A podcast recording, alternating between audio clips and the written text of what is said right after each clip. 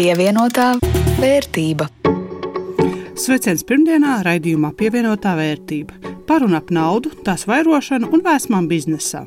Ar jums kopā Jānis Rāmāns no Latvijas radio un Rudīts Pakausks no Latvijas televīzijas. Šodien par video novērošanas kamerām darba vietās un ne tikai. Chatbotiem arī, kas nu jau parādās brīžiem, liekas visās iespējamās vietās, un, protams, sekosim arī tam, kas šodien jauns Baltijas biržā un mūsu investīciju portfeļos. Pievienotā vērtība. Joprojām lielāko daļu norišu ekonomikā ietekmē Covid pandēmija.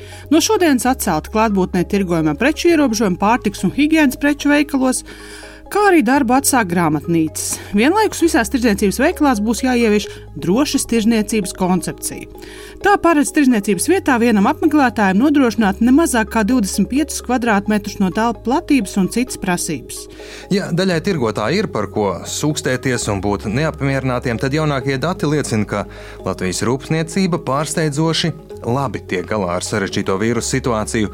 Kā rāda jaunākie statistikas dati, aizdīto gadu Latvijas apstrādes rūpniecība ir noslēgusi ar straujāko ražošanas apjomu pieaugumu pēdējo 22 mēnešu laikā, un decembrī saražojusi par 5% vairāk nekā pirms gada. Labie decembra dati gan nepalīdz izrāpties no kopējiem mīnusiem, jo gada griezumā saražotā apjoma sarukuši par 1,7%. Protams, situācija nozarēs atšķiras. Galvenokārt labos rādītājus balsta kokapstrādes industrija, kura gan arī ir lielākā no visiem un kurai lieti palīdzēs Brexit satraukums. Britu uzņēmēji, kas Brexit priekšvakarā decembrī turpināja pildīt noliktavas. Nu, sliktāk iet iekārtu un ierīču remontētājiem un uzstādītājiem - kritums par trešdaļu. Mīnusos ir arī pārtiks un metāla izstrādājumu ražotāji. Bet ekonomistu vērtējumā kopējā bilde ir gan optimistiska un labāka nekā tika domāts iepriekš. Ar jaunu 6 miljonus eiro vērtu aizdevumu un grantu programmu plāno atbalstīt mākslas izklaides un atpūtas nozares komersantus, kuru darbību ietekmējusi Covid-19 infekcijas izplatība. Kultūras ministrija kopā ar Attīstības finanšu institūciju Altumu gatavi avansā atbalstīt dažādu kultūras pasākumu ieceres. Lai saņemtu atbalstu, komersantam būs jāapliecina, ka tas nodrošinās pasākumu īstenošanu 18 mēnešu laikā.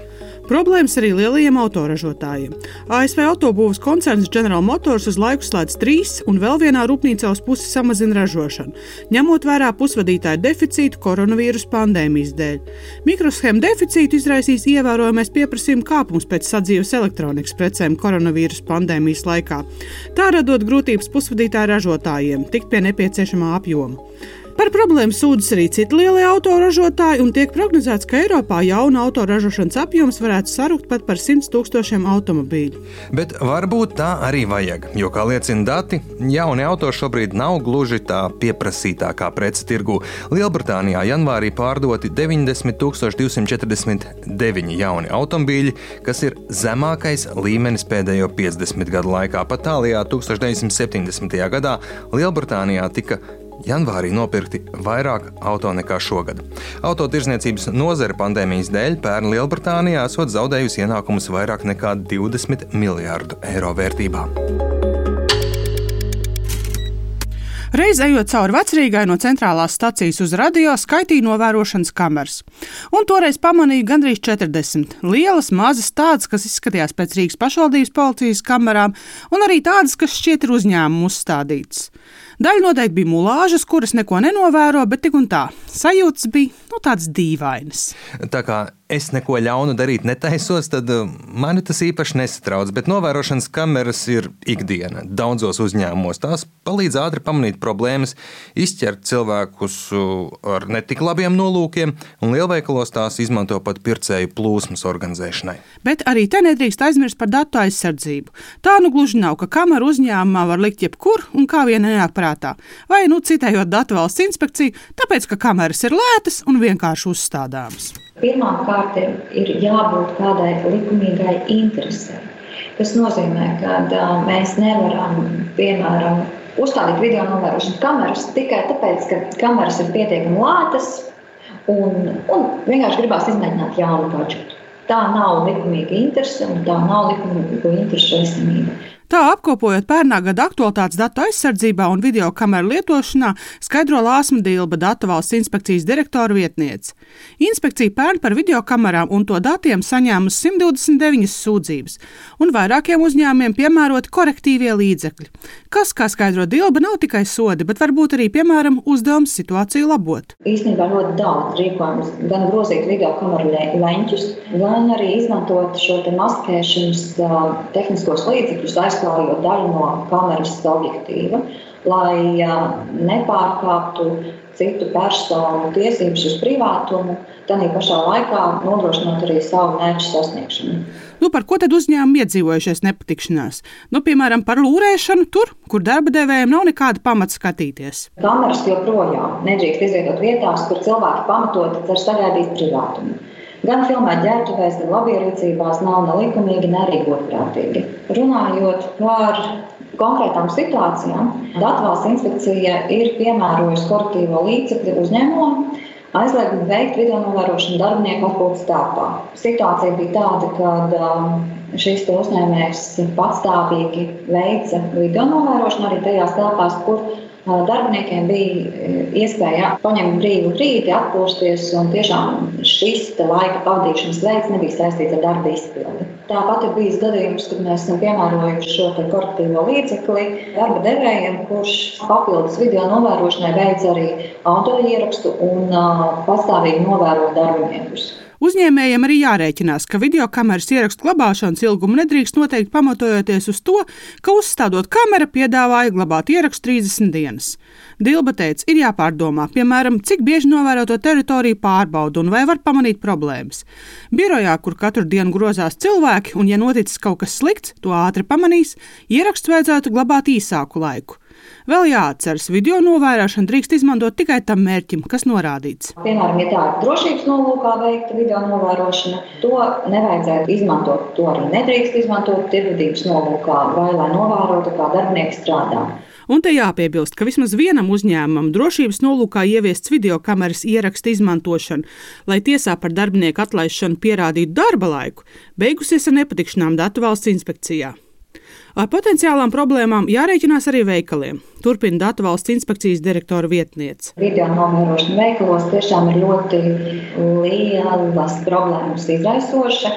Un, protams, ka svarīgi ir apmācīt, informēt un brīdināt arī savus darbiniekus par to, ka nedrīkst šo informāciju no video novērošanas sistēmas nerādīt, nenodot apmeklētājiem, kaut kādā konfliktā iesaistītām personām.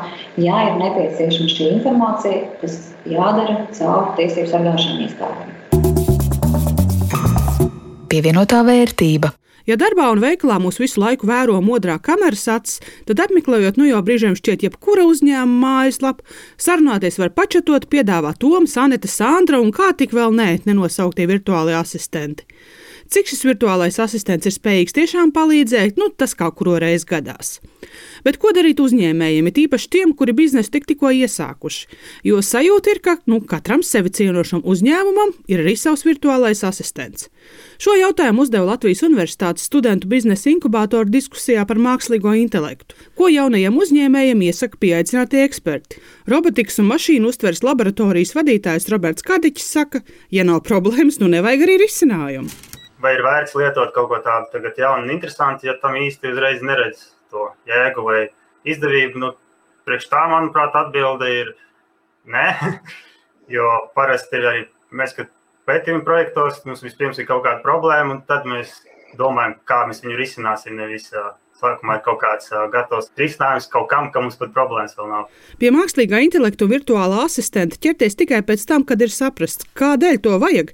To iesaka arī mākslīgā intelekta attīstītājs Mārtiņš Sūna no uzņēmuma Tilda.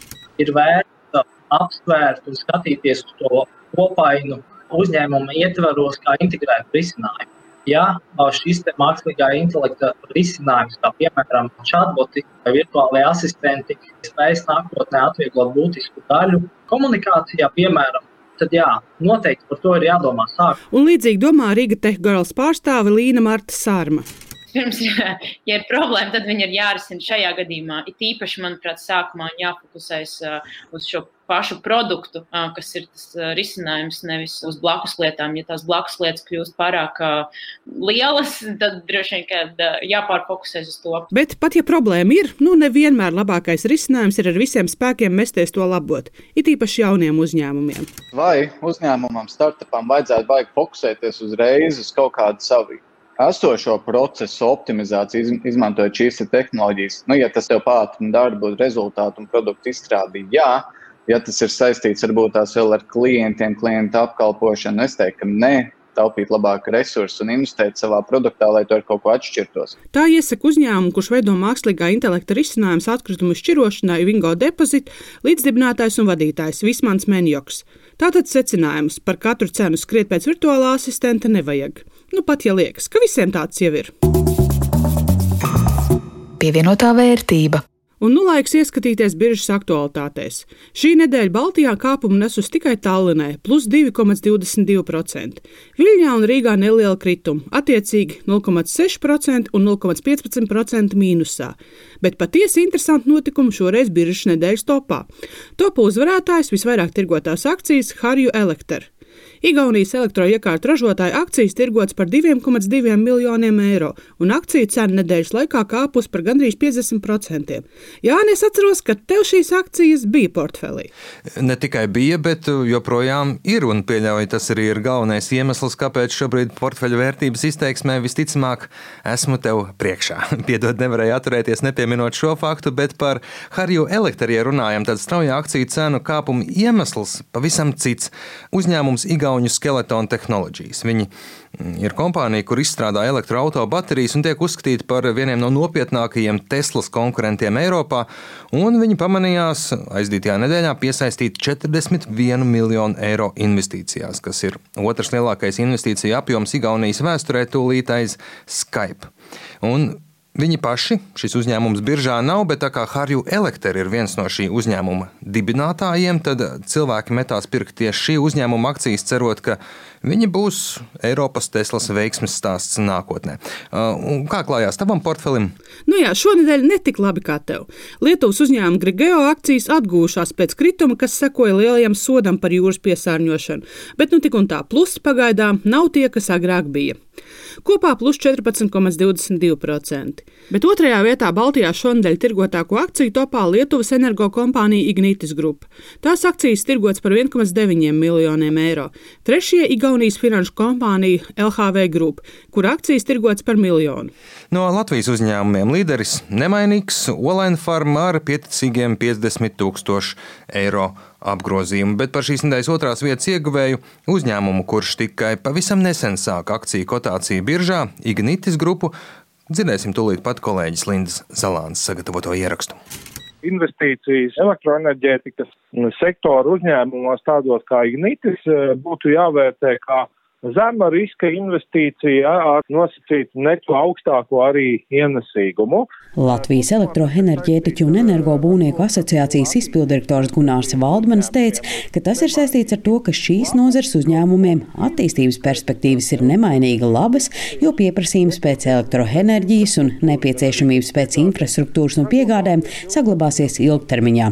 Tas nozīmē, ka šīs nozars uzņēmumi kopumā ir ļoti stabili. Tajā pašā laikā šī nozares struktūra nosaka to, ka ļoti ātra atdeve no ieguldītajiem līdzekļiem principā lielākajā daļā biznesa segmentu nav iespējama un tieši pretēji jārēķinās ar to, ka ieguldītie aktīvi nes ļoti lēnu atdevi. Bez tam tā ir regulēta nozare, kur ir ļoti stingri noteikts arī atļautais peļņas apjoms ar regulātoru īstenoto politiku. Tas nozīmē, ka sākotnēji, lai e, uzņēmumam finansētu, teiksim, attīstību ir jāiegulda salīdzinoši augstas investīcijas, kuras paredzēts atpelnīt tiešām 60 vai 50 vai 40 gados.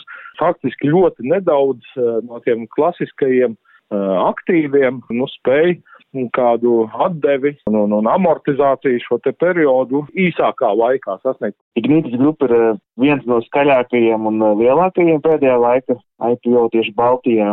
Un, ja īsumā, tad tas ir Latvijas Latvijas analogs Lietuvā. Uzkrājuma ieguldījuma eksperts Kaspars Pēcinieks uzsver, ka pagaidām vēsturisko ienesīgumu šim uzņēmumam nevar vērtēt, jo tas biržā ir vien dažus mēnešus. Ignitis grupa IPO cena tika noteikta 22,5 eiro par vienu akciju. Un, ja finanšu ziņās par ASV notikušajiem IPO var lasīt, ka to cena pirmajā vai pirmajās dienās būtiski pieaug, tad ar Ignitis grupu akcijām nekas tāds uh, nebija novērojams.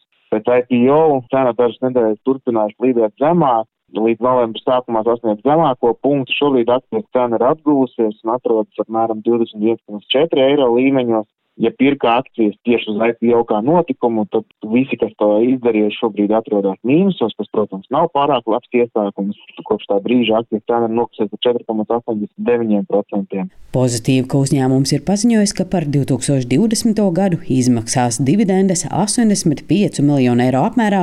Ja šo summu izdala ar pašreizējo tirgus kapitalizāciju, tad dividendes ienesīgums ir ap 5,3%. Tas nebūtu nav slikts uh, ienesīgums no stabilas kompānijas, kurai vairākos darījuma virzienos ir monopols stāvoklis Lietuvā, kā arī pats bizness kā tāds ir ļoti stabils un ar salīdzinoši viegli prognozējumām peļņas maržām. Turklāt Ignitis grupa jau paziņoja, ka nākamajos gados par 3% audzēs dividendžu apmēru, līdz ar to dividendes augs tikpat strauji vai pat straujāk nekā inflācija. Un nopērkot akcijas šodien, nu, mēs tā kā teikt piefiksējam savu nākotnes dividendu cienīgumu. Piemēram, ja nopērkam par 1000 eiro, tad šogad saņemsim 53 eiro dividendēs, nu, ja minētos 5,3%.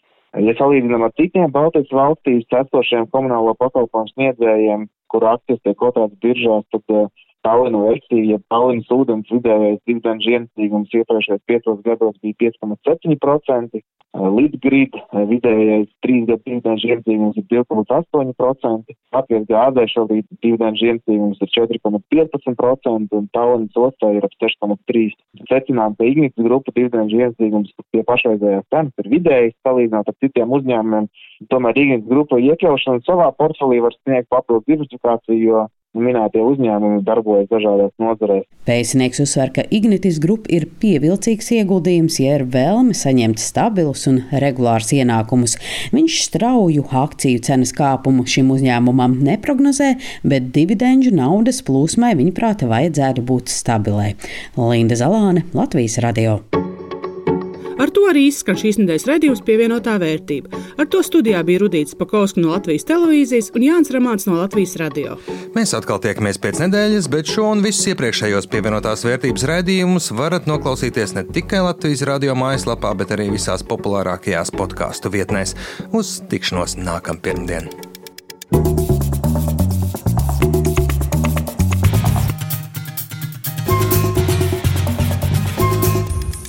Pievienotā vērtība.